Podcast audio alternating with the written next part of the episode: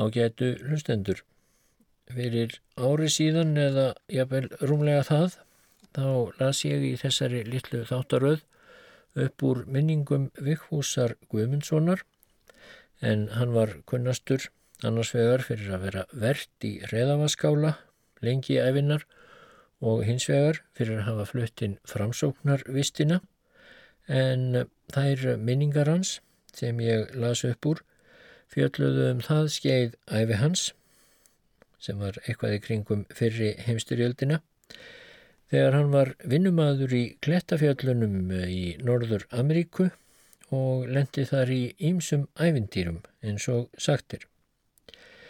En Vigfús var ævintýragjörn maður þótt hann snýri heim frá klettafjöllunum og löngu setna þá fór hann í mikla reysu um Suður Ameríku og eh, skrifaði bók um þá ferð sína sem heitir Framtíðarlandið, ferðaminningar frá Suður Ameríku og það er í þá bók sem ég ætla að glukka í þessum þætti.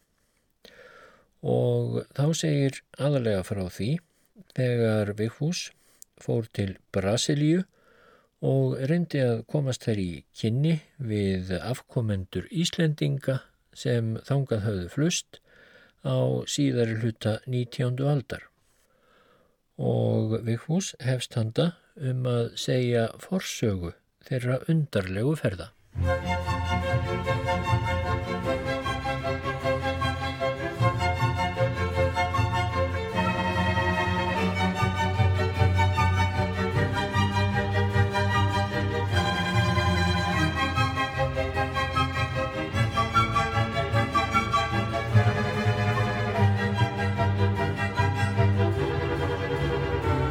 Einn versti og jáfnveil alharðasti veturinn á Íslandi á 19. öld var veturinn 1858 til 9. Þá voru sömarpáskar. Fadur minn Guðmundur Ekkertsson á Eyri í Flókadal sem var sérstaklega minnugur og fróður, ekki sístum tíðarfar, hafði það eftir móður sinni Guðrúnu Vikfúsdóttur á Eyri sem líka hafði verið fróð með traust minni, að þann vetur hefði hún munað harðastan. Þá hefðu til dæmis leið snjóskablar yfir flóku eða flókadalsá á milli bæjana Eirar og Hrísa alveg fram að Jónsmessu og hefur það aldrei komið fyrir síðan í því næri heila öld. Vetur þessi var í borgarfyrði venjulega kallaður hörðuföstu veturinn. En þó að vetur þessi væri með afbregðum harður þar siðra, eins og ég mann vel eftir af tali eldra fólks í æskuminni, þá var hann þó enn harðari á Norðurlandi. Þar var víða skeppnufellir, niðurskurður og ímiskunar hörmungar. Og fyrir norðan var þessi vetur oft kallaður blóðveturinn. Í þessum ógnarharðindum og þrengingum þar nyrðra þá kom upp mikil reyfing í söðurþingi er síslu að flytja af landibrott. Beindist áhugin mest að því að flytja til einhvers þess lands þar sem hægt væri að stopna nýtt íslenskt þjóðfélag. Fyrst beintist hugur manna allmikið að Grænlandi og hafði talum að fara þangað, reyndar verið kviknað nokkur fyrir mestu harðindin. En á mótiflutningum til Grænlands reys brátt hinn fróði vitmaður Einar Ásmundsson í Nesi í höfðakverfi. Hann benti mönnum á að ekki væri það hyggilegt að flytja úr öllum kuldanum á Íslandi í annað enþá kaldara land. Ef farið yrði burt þá væri sjálfsagt að fara til hlýra sólarlands. Ráðulagði hann þá mönnum að fara til Brasilju sem væri mjög lítið byggð enþá. Þar væru landkostir góðir og nóg hlýjindi.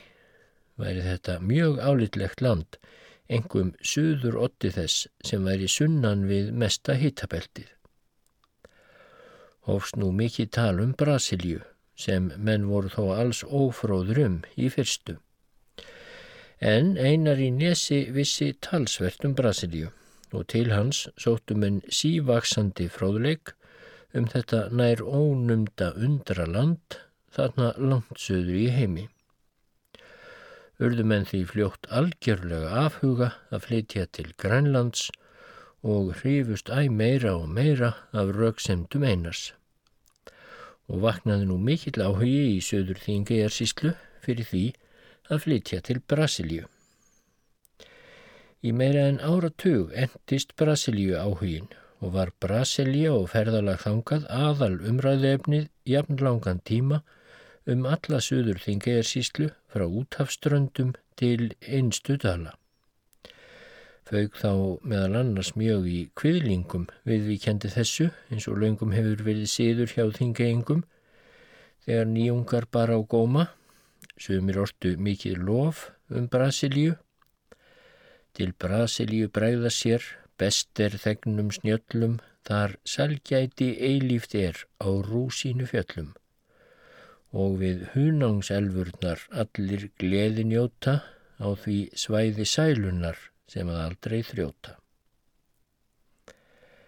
Hjá mörgum var einleg trú á því að þar síðra í sólskinslöndunum nær ónumdum tækist að mynda Íslenskt þjóðfélag. Öðrum var einfallega kapsmál að losna úr kuldanum norður á Íslandi. En aðrir voru eindregið á móti Brasilíuferðum og sumir gerðu gísað áhuganum og bjart síninni sem viðaríkti í þingeiskum byggðum á þessum söðurferðum. Og gæðist stundum hitt og þetta fram í kviðlingum varðandi þessi mál Gleimum landi, gleimum þjóð, gleimum æsku sporum, einnig því að Íslenskt blóð í æðum rennur vorum. Létt bært verður lífið þá, lukku glansar hagur, uppmun renna allt þar frá, engin mæðu dagur. Brasilíu áhugin mun ekki hafa greipið mjög almennt um sig nema í söður þingiðarsíslu. Þessi vísa er meðal annars sögð hafa komið vestan úr Skagafyrði, um sælu masa margir þar og mynda fjás að nýju en ekki er flas til fagnadar að fara til Brasilíu. Og aðvaranir komu hinga og þongað af landinu til þingeingana að vera ekki að flana þetta þarna suðrættir. Til dæmis þetta úr ávarpi frá leiðandi mönnum sem aðalega voru prestar Leiðin er laung og skuggaleg. Þið eruðu allt of fátækir og óupplýstir og þekkið ekkert til tungumála. Þið farið prestslausir og kastið svo að kristinni trú.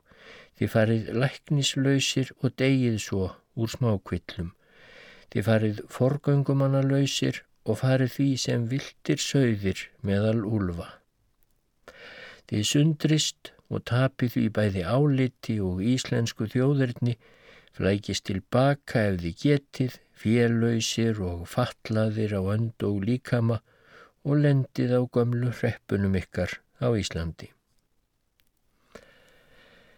En slíkar skýrnar skúrir reynu ekki á þingisku áhugamannunum um Brasiljuferðir frekar en vatna á gæs. Ævintýralandið í suðri ljómaði með æskæðrari byrtu í hugumanna þar nyrðra og það var hafist handa og stopnað fjölmynd útflutningsfélag í Suður Þingiðarsíslu til að greiða fyrir og hafa forgöngu um útflutning fólks frá Íslandi til Brasilíu og til að stopna íslenska nýlendu þar siðra.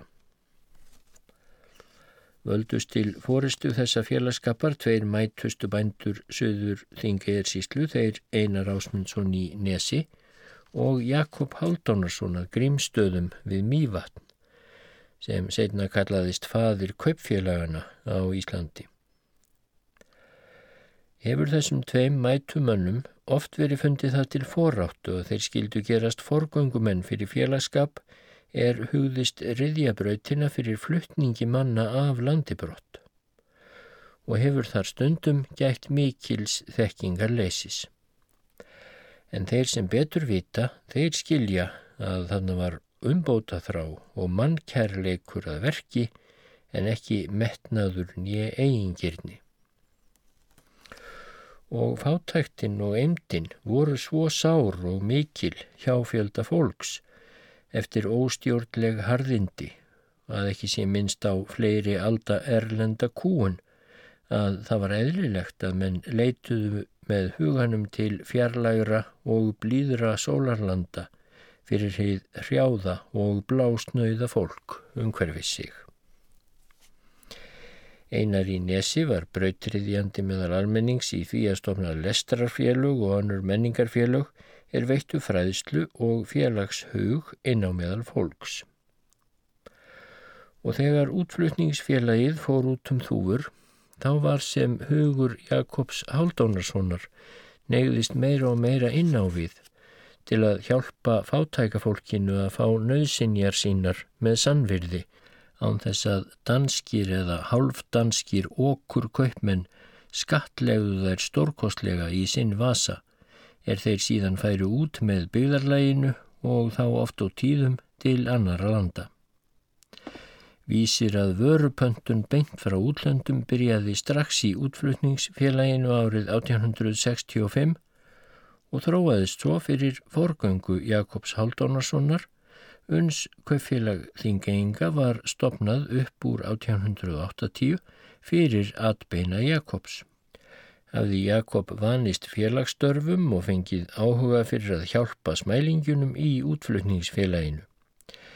Má því að ímsuleiti rekja hinn að merku félagsmálarhefingu, kaupfélagsskapin á Íslandi, til þessa útflutningsfélags sem spratt upp í Þingejarsíslu upp úr harðindunum blóðveturinn 1858 til 9 og þeim miklu bájindum sem af honum hlutust sem menn hugðust svo ráða bót á með Brasiljuferðum.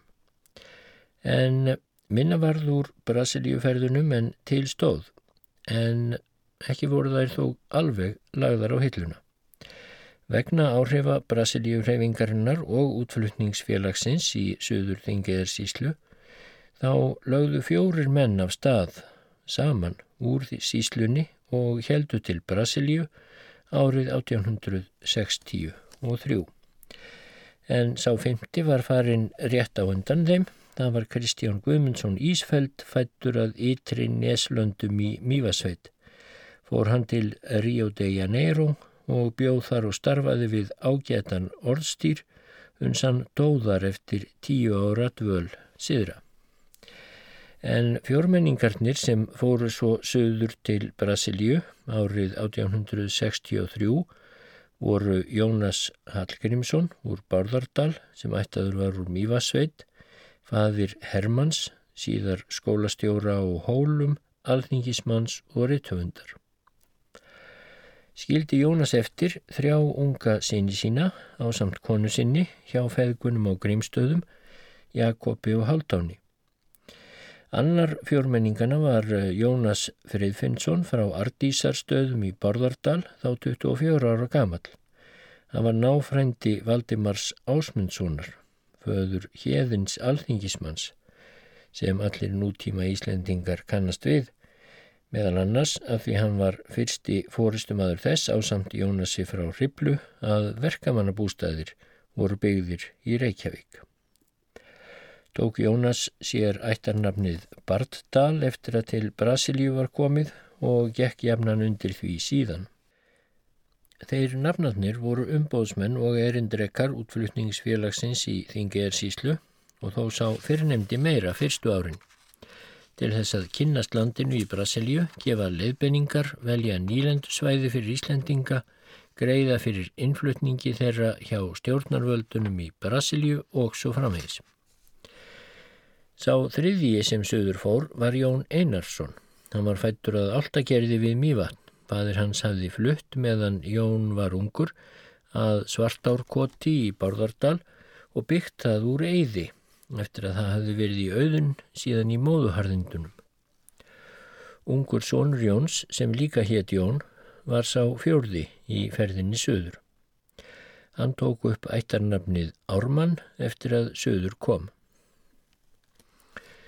Jónasarnir tveir, engum þó Jónas Hallgrímsson, stóð fyrstu árin í stöðugum brefaskiptum við einar í Nesi, formann útflutningsfélagsins. En því miður munu flest af brefum hans hafa farist í bruna sem var það Nesi nokkuru setna. En Jónas Hallgrímsson dó árið 1870 og þá tók Jónas F. Bardal einn við fulltrúastarfinu fyrir útflutningsfélagið. Allir fyrstu Íslendingarnir sem fóru til Brasilju örðu skamlífir, þar siðra, nema Jónas Bardal, hann komst á nýraðis aldur. Sífelt logaði áhugin í þingersíslu að fara söður til Brasilju en mjög er erfitt með allar samgöngur og sambönd milli landana tvekja en það hefur hálfan nöttin að fara. Einu sinni munu hafa leið fyrir hjá útflutningsfélaginu pantanir á fari til Brasilíu fyrir um 600 manns en minna varð úr því en til stóð. Stóð stundum í samningum að fá skip, beina leið söður án viðkomu nokkur staðar fyrir enn í Brasilíu en allt brást þetta. Menn byðu samt í spenningi heima í Þingiðarsíslu og vonuðust eftir að komast þetta eða þetta árið söður til fyrirheitna landsins. Markir höfðu látið búsín og jarðir til að vera albúnir til ferðar þegar skipið kemi. Fóru sumir hinn að ætluðu Brasilju fara á hálgerðan flæking eftir að hafa sundrað heimilum sínum og ár eftir ár liðu, laung, erfið og fulla vonbreyðum. Loksins árið 1873 fóru nokkrir af stað söður til Brasilíu en þá voru að hefjast fólksflutningar frá Íslandi til Norður-Ameríku og drápu þeir alla frekari fólksflutninga til Brasilíu. Jafnvel sumir sem voru lagður af stað til Brasilíu breyttu stefnunni og fóru til Norður-Ameríku í staðin. 34 menn heldu þó áfram söður en tveir þeirra dóu á leiðinni. Söðurfararnir fóru um Kaupmannahöfn og Hamburg eins og fjórmenningarnir höfðu gert tíu árum fyrr.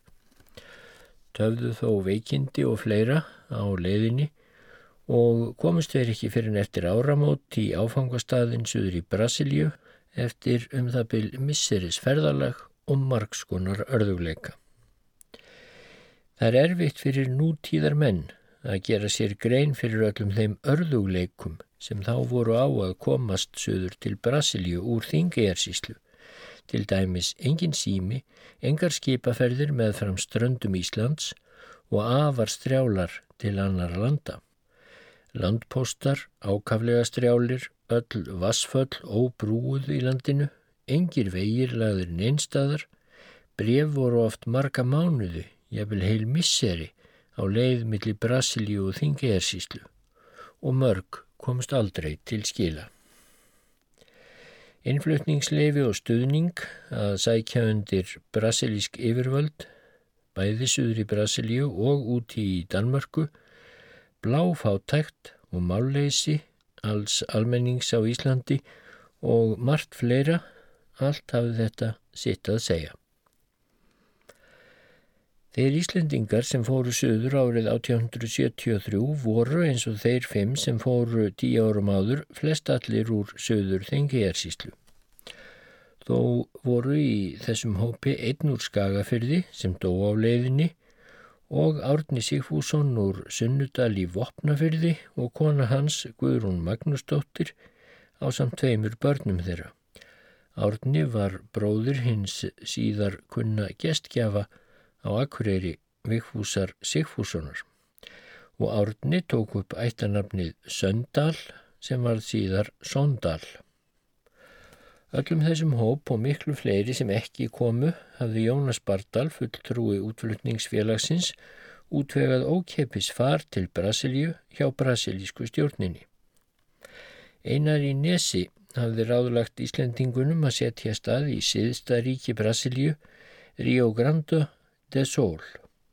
Mun það hafi verið rétt og viturlegur ástöfun og bendir til þess hvað einar hefur verið skarpskign og fróður og það þóttan byggi þarna norður á útkjálka heimsins. Hefur það og sínt sig æg betur hver ágætt er þarna fyrir norður Evrópumenn að búa. Býr þar nú meðal annars fjöldi þjóðverja í ágætum efnum og við ánægulegu afkomu á flestan hátt. Suður til Rio Grande do Sul komust Íslendingarnir aldrei en þeir komist upp á háslétturnar í Paranja-ríkinu sem er þriðja ríkið í Brasilju, talið sunnanfrá. Komist þeir til hins verðandi höfustadar Paranja-ríkisins, Curitiba sem svo heitir, og mun þetta ríki hafa verið það næst besta í Brasilju eftir því sem þá varum að gera þegar Íslendingarnir komu söður. Þá sá til dæmis engin fyrir hinnar miklu framfarir sem á síðustu árum hafa orðið í borginni São Paulo.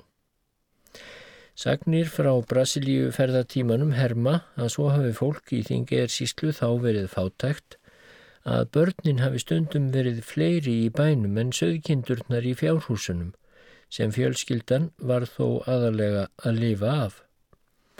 Húsakinni, kleðnaður og verkfæri bara allt ömurlegan vott um þá ræðilegu fátækt og skort sem fólkið átti við að stríða. Hlaut öllum mannvinum að renna sárt til rivja, emd og skortur þessa klæðlittla, hungraða og hóraða fólks.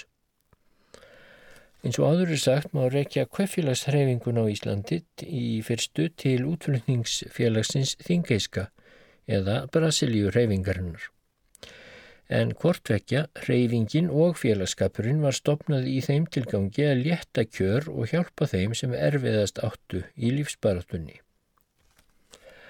Það er ekki ósennilegt að einhverjir á Íslandi vilji enþá reyngja að hér sé rétt farið með málið, en þeir ættu þá að kynna sér söguna um og eftir 19. öldina. Þá myndu þeir betur skilja mannvinina og umbóta frömmuðuna Einar Ásmundsson í Nesi og Jakob Haldunarsson á Grímstöðum sem beittu sér fyrir stopnun íslenskrar nýlendu í Brasilju upp úr miðri 19. öldinni og eittu miklum starfskröftum í að hjálpa fátæku þingeisku fólki að komast hangað söður þóttna er óyfirstíganleir erfiðleikar eðilegðu að miklu leiti beinan árangur af þessari för. Þann 11. mars 1957 þá var ég svo stattur í Curitiba í Brasilju. Ferðin hingað í flugvilinni frá São Paulo í gær, skrifaði ég í dagbók mína, gekk ágæðlega þessi fáein hundruð kílometra yfir gróðursælar hæðir hásléttunar. Og nú er ég stattur í höfuðstað Paranjaríkis sem er borgin Curitiba. Í henni eru hátt á þriðja hundrað þúsund íbúar. Hún var aðeins lítið kauptúnum miðjan vetur þann 7. ágúst 1866 þegar Jónasarnir dveir úr Bárðardal komu fyrstir Íslendinga hingað söður. Hér í Curitiba og umhverfi hennar er hæðótt land og grunn daladrög á milli. Láfjöll sumstaður í nokkur í fjarlæg út við sjóndeldarhingin, landslægið hreint ekki ólíkt og sumstaður í þingiðarsíslu, til dæmis í Bárðardal. Hér hvað aldrei verða mjög heitt, enda um þúsund metrum yfir sjávarfleti og nálgast 100 kílometra frá Allasafströndinni. Oftast á sömrin er um 20 til 30 gráðu hiti á Celsius.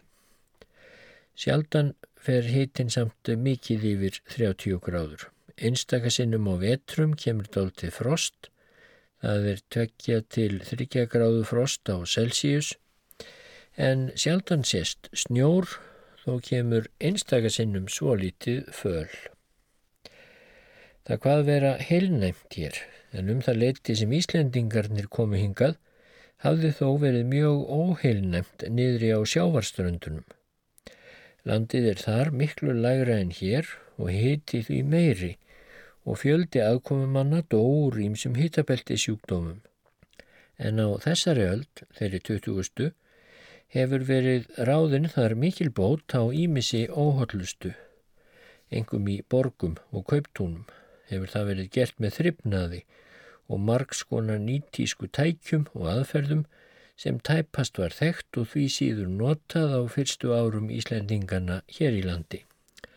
Þar sem ég er nú að ferðast hér í Brasilíu, þá langaði mig til að gera tilraun til að grenslast eftir hvort ég get ekki komist á snóður um einhverja afkomendur þeirra gömlu Íslendinga sem fóru hingað söður til Brasilíu á sínum tíma og flestir lendu fyrst á þessum slóðum sem ég er nú komin á en mér hafði verið spáð af öllum í Rio de Janeiro og Sao Paulo sem helst höfðu skilning eða þekking á þessu að þetta hlita vera ómögulegt og allar líkur væri fyrir því að för mín hingaðir því árangurslaus að því leiti að finna hér nokkra afkomendur Íslendingana gömlu. Meðal annars hvaðu allir þeir ágætu menn sem ég talaði við um þetta að það yrði afar erfitt fyrir mig að komast áfram hér söður úr, meðal annars af því að mjög fáir menn væru á þeim slóðum er leið mín lægi um, aðrir en þeir sem aðeins töluðu og skildu portugalsku. En það tungumál skil ég ekki, nýja tala, þótt að sé aðal málið hér í Brasilíu en máleysið var líklegt að gerði mér jafnvel enþá erfiðra fyrir um rannsóknir á afdrifum Íslendingana heldur en ferðalög. Þegar ég kom svo í gær á flugstöðuna, hér nokkuð norður fyrir borgina Kuritýpa, þá leitt út fyrir að spáðir erfiðileikar ætluð að gera mér óleik, því þar gæti ég engan mann fundið sem skildi nokkurt orði í þeim norður Evrópum málum sem ég kannadist helst við. Það var rétt svo að mér tókst að fá mér far inn í borgina og síðan til hótels sem ég hafði nafnið á.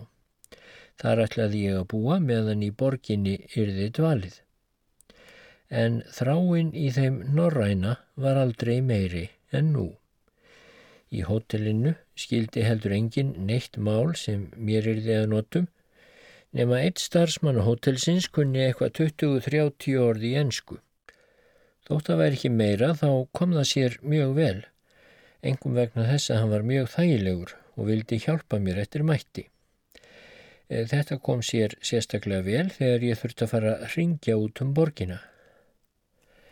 Ég fekk mér nú stóran bunga af ímiskonar nafnaskrám, tók ég svo til að stúdera í þeim, en það var löst við að vera álitlegt verk, næri allt portugalsk nöfn og mest af þeim með smá letri. Loks var ég þó í gerkvöldi eftir nokkura tíma verk í namnaskránum búin að finna fjögur nöfn sem mér fannst mjög líklegt að væru íslensk. Þau voru þessi Ari Sondal, Jónsson, Bartdal og Torkelsson. Fyrst ringdi ég í númer Ara Sondal. Þar svaraði engin. Síðan ringdi ég í Jónsson. Hann reyndist á vera svíi. Næst ringdi ég í númer Bardals. Þar gengdi þýðlegu rödd ungs manns. Ég spurði hvort hann talaði ekki ensku. Only little, hljómaði svarið. Þá kynnti ég mig að ég væri frá Íslandi og væri hingað komin af því að mig langaði til að hafa samband við íslensk ættaða menn ef þeir væru til hér í borg.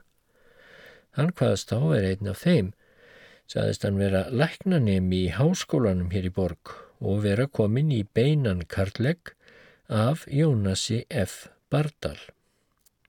En hann var frá Ardísarstöðum í Barðardal, fulltrúi útflutningsfélagsins í Þingejarsíslu og fyrsti landnámsmaðurinn íslenski hér í Kuritýpa. Sjaldan hef ég orðið gladari yfir unnum sigri á æfinni, heldur en í gerkveldi þegar ég laðist til svefns í hótelherbergi mínu hér í Kuritýpa. Íslensk ættaði læknanemin lofaði í gerkvöldi að koma til mín hingað á hótelið ártla dagsins í dag og það emdi hann. Þetta er liðlegur og góðlegur ungur maður. Hef ég verið aðtuga hvort ég sjá ekki ættarmót með honum og frenda hans, hérðinni Valdimar sinni, sem ég þekkti allvel um langt árabil heima í Reykjavík. Ekki er ég frá því að svo sé, en þó öllu frekar á bróður hans, sem líka var læknanim í háskólanum og ég var einnig búin að kynast. Fadir þeirra, Albert, er bæði læknir og stórbóndi. Báðir bræðurnir geta talað dálhila ennsku, þeir hafa lært hann af bókum í skólum en eh, vantar yfkun í að tala málið. Edgar, sá sem gengdi fyrst í síman í gerkvöldi, hefur verið mikið með mér í dag, fyrst hér í hótelinu og síðan út um borgina. Gengur okkur betur og betur að tala saman eftir því sem við venjumst hvora öðrum.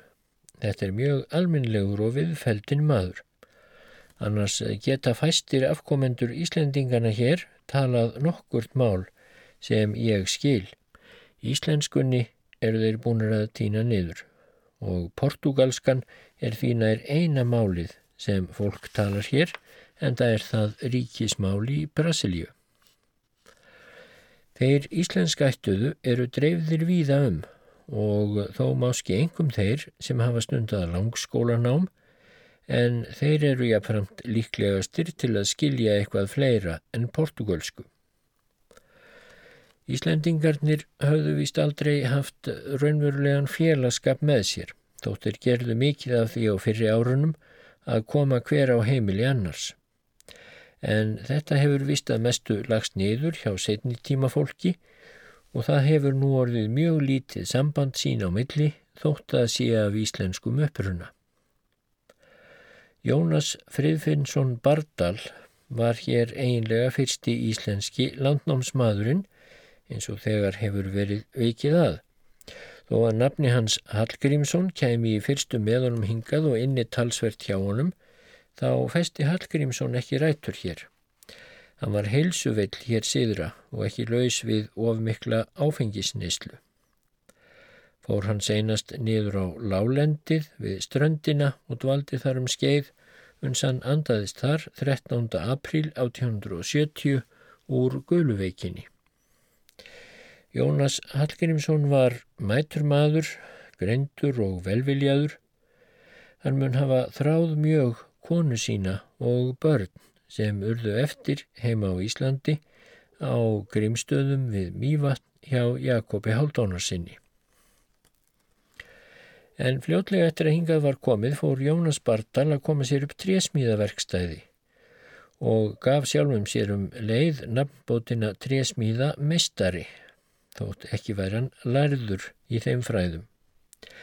Rak hann lengi verkstæðið með dugnaði og veitti mörgum mönnum atvinnu, en eftir margra ára rekstur verkstæði sinns og einmitt þegar hann var komin í sæmilega efni þá reyðast hann í að selja það og kaupa stórbílin okkurt skamt frá kúri típa. Byrjaði hann þar mikinn búrekstur, smíðaði hann meðal annars stóra kornmillu í fljóti á landaregninni og hófað mala ímsar kortegundir. Lagðan í þetta fyrirtæki allar eigur sínar og varð auk þess að taka mikið fyrir að láni. Risti hann sér við þetta hurðar ásum auksl og tapaði á fyrirtækinu að leigu sinni. Hófan eftir það smíðar sínar hér í borginni á ný á samt sjö sónum sínum er þá voru á unglingsaldri eða sumir hálfgerðum barsaldri. Jónas kvæntist nokkur eftir hann kom hingað til Kúritýpa þótt hann hefði farið frá unnustu í Þingejarsíslu sem beigðans þar í nokkur ár og vissi ekki annað en hún myndi sameinast honum að lokum. En eftir að þau voru orðin nær vonlausum að sjást aftur, þá giftist hún heima og Jónas hér aðeins setna, en þetta ótlunum samt talsverðu ángri því honum fannst hann hefði brúðist unnustunni heima á eskustöðunum eftir að hún hefði beðið hans árum saman. En nokkru eftir giftinguna þá fekk hann bref frá Íslandi er sáðunum að gamla unnustan hans væri gift og hefði raunar gifst rétt áður en hann gifti sig hér siðra. Kona Jónasar var af þýskumættum og var kathólsk Lindi Jónas ekki fortölum við hana fyrir en hún kastaði kathólskunni fyrir borð. Þau áttu mörg börn saman, voru þau fermd í mótmælenda trú. Jónas var trúnegður og fegst eitthvað við trúbóð á efri árum sínum.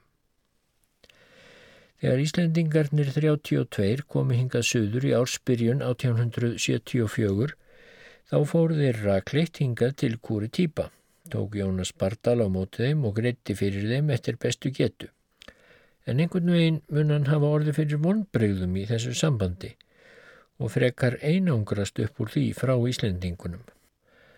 Hafði Jónas útvegað Íslendingunum öllum frítt far til Brasilíu hjá brasilískum stjórnvöldum og hann hafði reyndar fengið lofórð fyrir ókeipis fari fyrir miklu fleiri sem ekki notuðu það þó þegar til kom. Og þó að Jónas reyndi að gera allt fyrir landneimanna sem hann gatt, þá fannst honum víst að þeir ætluðust til enþá meira af sér. En hvað sem því leið, Jónas var vinsæl atvinnureikandi um langt skeið hér í borg. Íslendingarnir hinnir settust flestir að í eða við hið vaksandi kauptún hér en margir fengust við sveitabúskap nokkra kílometra hér fyrir norðan en þangað hefur borgin núna reyndar tekt sig. Vegnaði Íslendingunum mörgum vel en þó mun þeim ekki hafa þótt eins létt og glæsilegt um afkomuna og þeir voru búin að ímynda sér áður en þeir fóru frá Íslandi. Þeir íslensk ættuðu hér eru talsvert forveitnir að heyra um land forfæðra sinna í norðurhöfum sem þeir vita greinilega lítið um. Þeir segjast engin tækifæri hafa fengið til að fræðast um það. Engir þeirra skilji neitt í íslensku máli, engir séu til sem þeir þekki er þeir geti snúið sér til og fengið fræðslu um nokkuð viðvíkjandi Íslandi og engum bókum hafið þeir aðgangað um Ísland nýjum nokkur íslensk efni. Telja þeir víst að ég sé fyrsti og eini Íslendingurinn sem hafi komið á þessar slóðir þeirra frá fyrstu tíð er flestir landnámsmennirnir komið hingað í ársbyrjun 1874. Margir Íslendingar sem fóru hingað söður og þó engum afkomendur þeirra hafa komist hér vel áfram og sömur hafa orðið merkir menn og þjóðkunnir. Þar í fremsturöð var Magnús Sondal sem svo kallaði sig en hétt í raun og veru Magnús Árnason frá Sunnudal. Magnús varð kennari og doktor við Háskóla Norður í Brasilíu og var að minnstakosti mjög frægur tungumálamadur. Hann er sagður hafa kunnað 14 tungumál og búið til það 15 alheimsmálið Eska. Magnús hafði verið stórgáfaður hugssjónumadur, alltaf hafði hann langað að fara til Íslands, þótt aldrei yrði af því. Hafði hann verið mjög íslenskur í anda, til dæmis let hann börnin sín heita Ara, Óðinn, Þór, Baldur, Guðrúnu og Freyju. Magnús fluttist búferlum hingað í nágræni við Íslendingana í Kúri Týpa þegar hann var komin um 50 en dóð þá skömmu setna. Var talinn að honum mikil mannskaði að hann skildi degja svo því nær á besta aldri.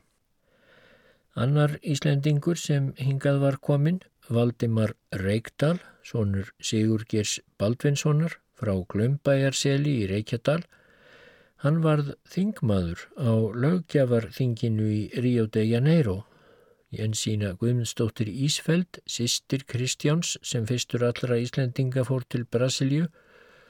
Hún varð kunnur hótelrekandi í höfðustafnum Rio de Janeiro. Albert, sonur Jónasar Bardals, varð professor við háskólan hér í Curitiba og svo framhengis. Svona hafa afkomendur Íslendingarna sem fóru hingað söður lendi í ýmsum störfum og stöðum er veitt hafa mannaforráð og hafa þurft þekking og mentun til að leysa af hendi. Engum hafa margir orðið kennarar við æðri skóla og það miklu fleiri heldur en nefndir eru hér að framann.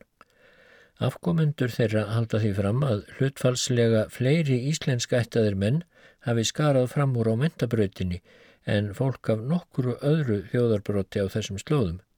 Það er þá sama sagan og í Bandaríkjunum og Kanada. En úr því að Íslendingarnir voru svo fáir og dreifðust fljótlega um all stort svæði, þá töpuð þeir fyrir en ella íslenska tungumálinu. Tengslinn við Ísland voru líka mjög lítil. Aðeins bref á milli nátengdra ættingja og vina, heima og hér meðan fyrsta kynnslóðin var á lífi. Og líklega hefur aldrei verið neitt gert af Íslands hálfu til að halda hér við þjóðurnis og ættartengslum við Brasilíufarana. Valdimar Ásmundsson hafði þó alltaf sendt einum ættingja sínum blað sitt fjallkonuna meðan hans nöyt við. Og mun það hafa verið síðasta dagbladið frá Íslandi til þessara hortnu, svona og dætra gamla fróns. En þó að Íslandingarnir mynduðu aldrei skipulaðan félagskap með sér hér siðra, íllu heilli, þá komu íslensku fjölskyldurnar oft saman á heimilum hver annarar, fyrstu áratugina. Töluð þær þá saman á íslensku, sungu íslenska ljóð, lásu íslenskt lesmál eftir því sem til var. En þetta var aðeins meðan þeir voru enn á lífi sem komu frá Íslandi og lagðist síðan fljótlega af. Þó að þriðji og fjórði ætliðurinn séu nú búin að gleima íslensku máli og viti næsta lítið um ætland sitt í fjarlagð, þá eru þó rektartaugar til gamla landsins ekki útdauðar enn, ekki alveg. Og íslensku nöfnin sem allmargir íslensk ættuðu mennirnir bera en þá vitna um upprunnan. Þau vísuðu mér veginn hér ger ég nú þegar tilraunir til að hefja nýtt samband milli frændana hér og frændana heima á gömlu ættjörðinni og í Norður-Ameríku líka. Mér finnst óneitanlega hressandi og ævintýralegt að vera stattur hér mitt á meðal efnilegra og myndarlegra afkomenda gömlu íslensku landnámsmannana inni í þessu fjarlæga, stóra og blíða landi á söður kveli jarðar. Landið hér er öldumyndaðar hæðir, gróðursælar og vinalegar en lág og blá fjöll út við sjóndeldarhingin ekki langt í burtu. Næsta ríkið norðan við er hefð mikla kaffiríki, São Paulo, og er kaffiræktin óðum að færast söðurettir því ríki og ýmsir hér telja að ekki verði þess langt að býða að kaffiræktin komist alveg söður á landamærin þá er líklegt að hún færist eitthvað söður í Paranja ríkið einnig og verðast íbúarnir hér hlakka til að svo verði. Búskapurinn hér í Paranja ríki hvað annars vera mjög blandaður eins og þeir kallaða norður í Bandaríkjum og Kanada. Kvikfjárrækt er hér í stórum stíl, fugglarækt, kornrækt, ávastarækt, gardmetisrækt og svo framvegis. Einnig er rektað í stórum stíl hefði svonumda mata sem er mikið notað hér um slóðir og víðar í staðin fyrir te. Skóarhögg er afar mikið og aragrúi sögunar milna viðsvegar í ríkinu. Meðal annars er sagað mjög mikið af henni viðkunnu Paranja föru og er framleiðsla hennar talin nema alltaf miljón rúmmetrum og ári í þessu ríki einu. Íbúarnir eru mest portugalar að ætt en líka talsvert víðar að úr Suður-Evrópu.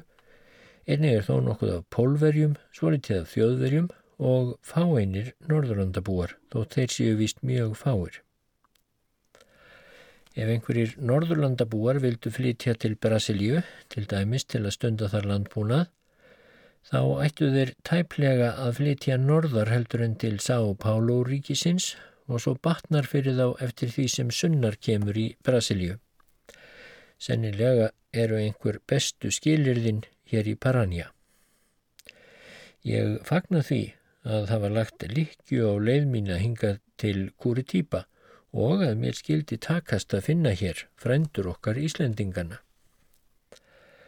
Gömlu íslensku landneimarnir sem brutust hingað suður úr fátæktinni og harðindunum og ættjörð okkar eru nú sem eðlilegt er allir komnir undir græna torfu fyrir löngu. Þótt fátæklegir trekrossar minni helst á leiði þeirra hér í kirkjugörðunum eða aðeins fagur suðræn gróður príði hinstu leggstaðina langt frá þeirra feðrafold, þá er það þó ættíð eins og Stefan G. hvað þótt í fjarlað sé að ættjarðar böndum mig grýpur hver grund sem grær kringum Íslendings bein og svo er sem moldsú sé manni þó skild sem mæðrum og feðrum er vígð.